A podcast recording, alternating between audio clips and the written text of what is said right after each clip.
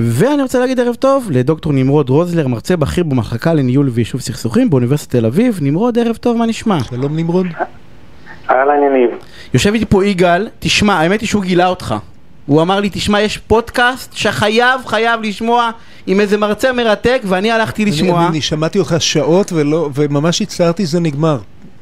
תודה רבה. שינית, שינית איך, איך שאני מסתכל על העולם. יאללה, עכשיו אחרי שהרמנו יגאל, הוא צריך גם לשנות את, ה, את המאזינים. תשמע, אתה עוסק בסכסוכים, אה, נקרא לזה, של אה, קבוצות, של עמים, של מדינות, נכון. של הרבה אנשים. ו- ואותי אותי מעניין האם הסכסוך שלנו עם הפלסטינים הוא סכסוך שונה מסכסוכים אחרים בעולם. אז תראה, אני יכול לספר לך ש... השאלה אם אתה שואל אותי, או אם אתה שואל את הציבור הישראלי. אני אגיד לך כמה מילים על זה, למה אני מספר את זה, ואני חושב שגם ככה, גם בשיחה המקדימה דיברנו על זה. התפיסה של אה, רוב העמים שנמצאים בתוך סכסוכים קשים, ואנחנו ביניהם, כמו כל שאר העמים, כן? אה, תמיד התפיסה הזו שהסכסוך שלך הוא הסכסוך הכי קשה, הכי מיוחד, הכי שונה, שקשה ואי אפשר בעצם להשוות אותו לשום דבר אחר, ואף אחד אחר לא ממש יצליח להבין אותנו. אנחנו ראינו את זה ממש עכשיו בסיבוב אה, הלחימה האחרון, שכאשר הייתה ביקורת על ישראל, אז כולם אמרו, הם לא מבינים אותנו, הם לא יודעים, הם לא מבינים מה זה הסכסוך הזה. זה סכסוך אחר מה שיש לנו, ובאמת בסקר של מדד השלום שעשינו לפני שנה וחצי, מצאנו ש-60% מהישראלים חושבים שהסכסוך בין ישראל לפלסטינים שונה מאוד או שונה בהשוואה לסכסוכים קשים בעולם. עכשיו, הנקודה הזאת היא נקודה מאוד ברורה, מאוד אנושית. כאשר אתה נמצא בתוך חוויה מסוימת, אז זה ברור שאתה מכיר אותה מאוד טוב לפרטי פרטים, וקשה לך להאמין שמישהו אחר יוכל לחוות את אותו הדבר. אבל כאשר אנחנו מסתכלים על סכסוכים קשים, אלימים וממושכים במקומות אחרים בעולם, לפתע פתאום אנחנו רואים שמתגלים הרבה מאוד נקודות דמיון. ואולי נקודות הדמיון האלה נובעות מדבר מאוד טריוויאלי. מי שתמיד מעורב בכל הסכסוכים האלה בכל רחבי העולם הם בני אדם. ואנחנו כבני אדם, יש לנו מאפיינים מאוד דומים. אנחנו תמיד רוצים לראות את הקבוצה שלנו בצורה חיובית.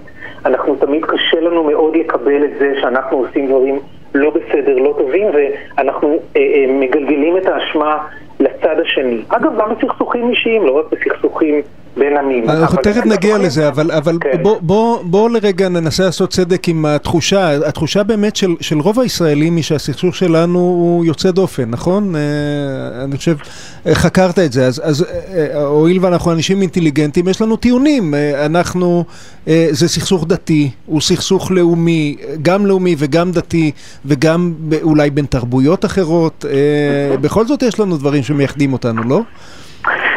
כמעט, בגלל שאם אנחנו מסתכלים על סכסוכים קשים אחרים בעולם, אנחנו נראה שגם הסכסוך בצפון אירלנד, שהתקיים במשך מאות שנים, היה בין פרוטסטנטים לבין קתולים, כאשר הממד הדתי בו היה מאוד מאוד חזק. הרבה פעמים כשאני מספר את זה לאנשים, הם אומרים לי, כן, אבל מה אתה מדבר? הם כולם הם כולם זה אותו נוצרים, דבר." נכון, אנחנו רק שוכחים שמלחמות הדת באירופה, כן, שהתנהלו במשך מאות שנים, מאות שנים. גבו מיליוני קורבנות. אז ההיבט הזה של הדת קיים שם, ההיבט של הלאומיות קיים שם בצורה מאוד חזקה, הפרדה בין אלה שרואים את עצמם כבריטים ואירים. אם אנחנו הולכים לסכסוך בין הודו וקשמיר, אנחנו רואים גם שם שיש לנו שם סכסוך, סליחה, הסכסוך בין הודו ופקיסטן פקיסטן, שמתבטא כן? בקשמיר, כן. שמתבטא בקשמיר, גם שם יש לנו היבט לאומי מאוד חזק, היבט דתי מאוד חזק. אם אנחנו מסתכלים על הסכסוך בקפריסין שהתקיים במשך אה, לא מעט שנים, גם שם אנחנו יכולים לראות היבט דתי והיבט לאומי. בין צרפת האלה- לגרמניה, אה, אלזס, לורן, היה נכון, מאות שנים של נכון. סכסוך, כן. נכון, וגם שם יש היבט דתי והיבט לאומי. נמרוד, אנחנו- אתה, אתה בעצם אומר שאנחנו לא מיוחדים? זה כמעט מעליב, לא יניב? אני אומר שבעצם המאפיינים של הסכסוכים, מה שאנחנו קוראים להם סכסוכי דמים קשים, כן? אה, הם מאוד דומים בסכסוכים מהסוג הזה ברחבי העולם, כמו הדוגמאות שדיברנו עליהן כרגע, כן? כל הדוגמאות שאנחנו דיברנו עליהן כרגע. העניין זה שהתכנים הספציפיים של כל סכסוך הם כמובן שונים. כן? הסיפור של מה שקרה, האירועים ההיסטוריים, אה, המאפיינים של כל קבוצה, יש בהם משהו ייחודי בוודאי. אבל כאשר אנחנו מסתכלים על טבע הסכסוך, על הדרך שבה כל צד רואה את הצד השני ואת עצמו, אז אנחנו רואים ומוצאים הרבה מאוד נקודות דמיון. אז למה אנחנו מרגישים כל כך מיוחדים? אם זה באמת כל כך דומה, למה אנחנו מרגישים שזה כאן מאוד ייחודי ומאוד לא פתיר? אז שוב, אני חושב שזה בגלל, עוד פעם, בכל סיטואציה שאתה מכיר אותה ונמצא בה ושרוי בה כל כך טוב, אתה יודע שאתה מכיר את הפרטים הרבה יותר מכל, אה, אה, מכל בן אדם אחר, מכל קבוצה אחרת. בנוסף, כאשר אנחנו מדברים על כך שקבוצות, אה, כאשר כל קבוצה, אגב, זה אחד מה, כן, התיאוריות ה... הידועות בפסיכולוגיה חברתית של הזהות החברתית.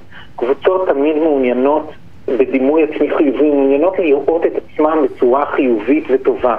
אחת מהדרכים שבהם אנחנו רואים את עצמנו כקבוצה שהיא אה, טובה, אחד מהמאפיינים הטובים שיש בנו זה שאנחנו ייחודיים.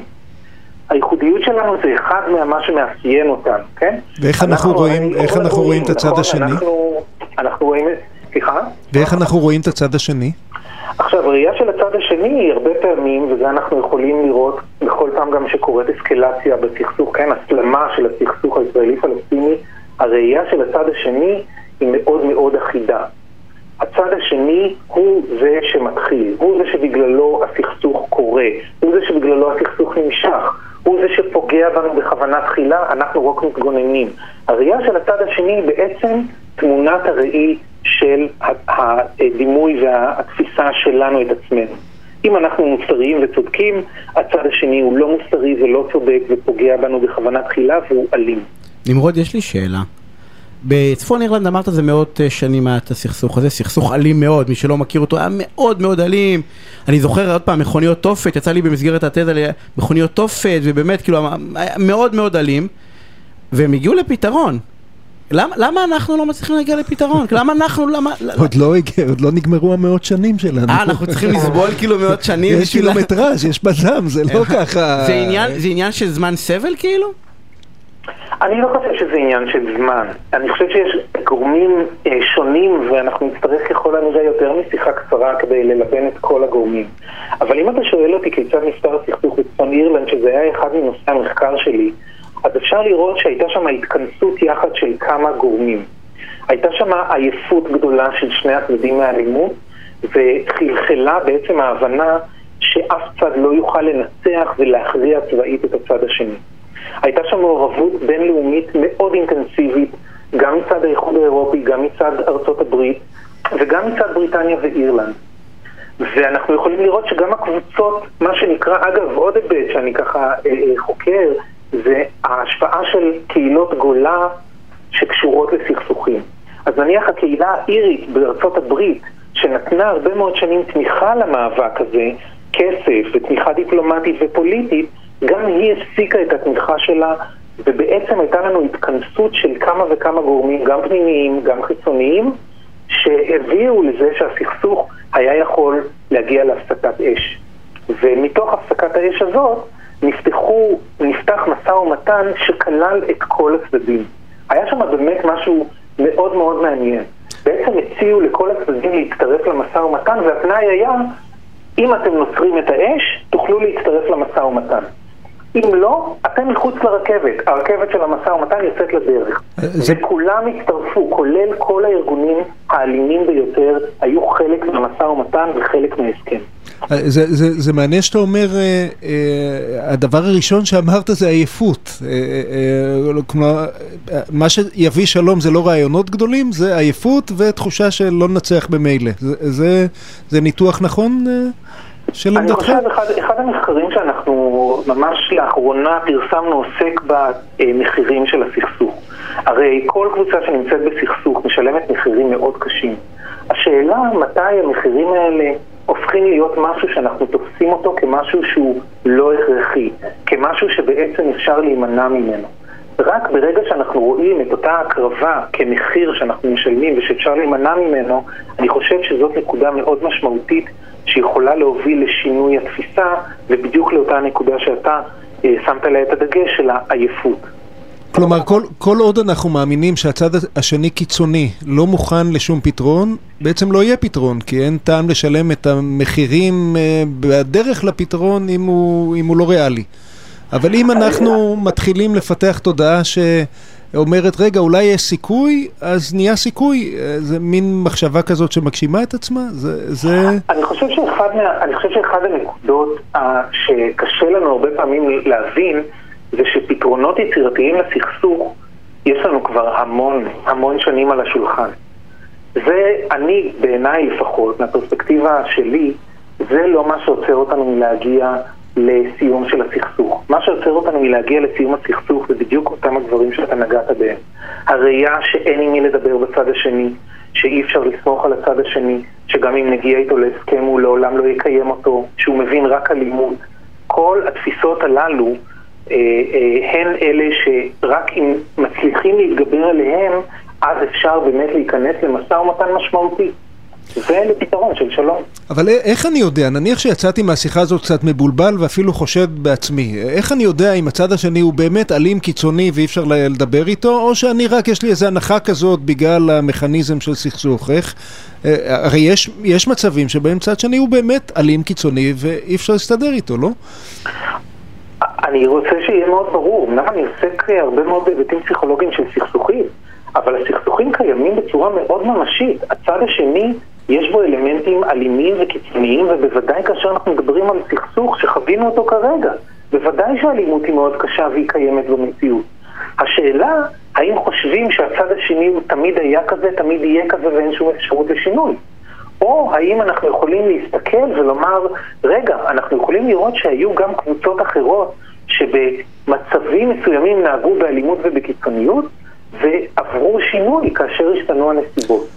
אתה יודע, יניב, זה מדהים איך הדברים אה, אה, שנמרוד מדבר עליהם במקרו של, של סכסוכים בין עמים, איך אני רואה ממש את אותן תופעות עצמן בחדר הגישור, של לראות כמה הסכסוך הפרטי האישי שלי הוא ייחודי, הוא בלתי פתיר, כמה אה, אני עובר דמוניזציה של הצד השני באופן שמצדיק את העובדה שאני לא עושה כלום כדי לפתור, לפתור את הסכסוך, וכמה הבעיה הגדולה היא בדרך כלל לא הפתרון המבריק שאף אחד משנינו לא שמע, אלא האמונה האמונה שלנו שבכלל יש עם מי לדבר ויש על מה לדבר. ברגע שצדדים מתחילים לדבר באופן ענייני, הסכסוך כמעט נפתר מאליו, אבל, אבל עד הרגע הזה יכולות לעבור אה, אה, שנים במקרה של ההתמחות שלי ומאות שנים במקרה של ההתמחות של נמרוד. אותה מכניקת, זהו, אבל תדע לך, אה, נמרוד, שאני יוצא דווקא אופטימי מהשיחה שלנו, אתה יודע למה? כי אני אומר, תשמע, אתה, אולי אני אנתח רגע במשפט אחד, אתה אומר, תשמע, צריך עייפות, והעייפות בדרך כלל מובילה כי לאיזושהי הבנה שהצד השני אולי... אה, אתה יודע, אולי יש שם משהו לדבר, העובדה שאנחנו, אין דרך לנצח אותו, אני חושב שאנחנו מתחילים להבין שאין דרך לנצח אותם. בסדר, אנחנו ניתן הם ייתנו, אנחנו ניתן הם ייתנו, יהיה עוד טילים, אז לא עד חיפה, עד אשדוד. אנחנו מבינים, למרות שהרמטכ"לים באים ואומרים, מי שרואה מה קורה, מבין שבאמת אי אפשר לנצח את האירוע. ומה שפשוט צריכים לחכות זה שנהיה ממש ממש עייפים. אני, אני לא רוצה להפריז באופטימיות. כאילו ממש ממש עייפים, יגאל, לא עוד שלושה ארבעה סבבים. אנשים, אנשים נוטים לחשוב שבעיות במציאות זה קל, ואם זה רק תודעה, זה, אה, אה, זה, זה, במציאות זה קשה, רק תודעה קל לפתור. אבל האמת היא שהבעיות קל? שנמרוד מדבר עליהן, בעיות בתוך, בתוך הראש של, של כל אחד מאיתנו, זה הבעיות הקשות באמת. ואני, אני, אה, נמרוד, אתה, אתה כל כך מבין בזה, אתה יכול עד לשבוע הבא בתוכנית אה, לסגור לנו את הפינה הישראלית-פלסטינית, אתה יודע, בנוסח האירי, אה, גרמני, צרפתי, אה, איזה, איזה, איזה שתרצה. זה... אנחנו נראה... אני, אני יכול להבטיח שאני אעשה כן. כל מאמץ, אבל אני יכול להבטיח שגם אם היו קשובים אלינו אותם מקבלי ההחלטות, אני חושב שהיה יכול להיות אחרת.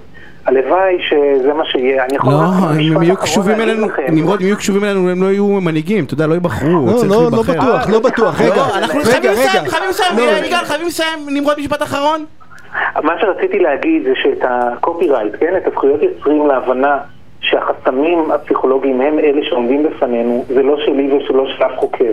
מי שאמר את זה היה אנואר סאדאת שבא לנאום בכנסת ואמר 70 אחוז מהבעיה. אלה היו המילים של סאדאת. Hmm. הנכונות שלו להכיר בזה וההפתעה של הציבור הישראלי שהוא היה מוכן לבוא לפה ולתת לנו את ההכרה הזאת, יצרו שינוי הגדול ביותר שאנחנו יודעים עד היום, סכסוכים שישראל הייתה מעורבת. הלוואי ויהיו עוד כאלה. נמרוד, אני רוצה אותך לספינה הסופרמנטית, תודה רבה.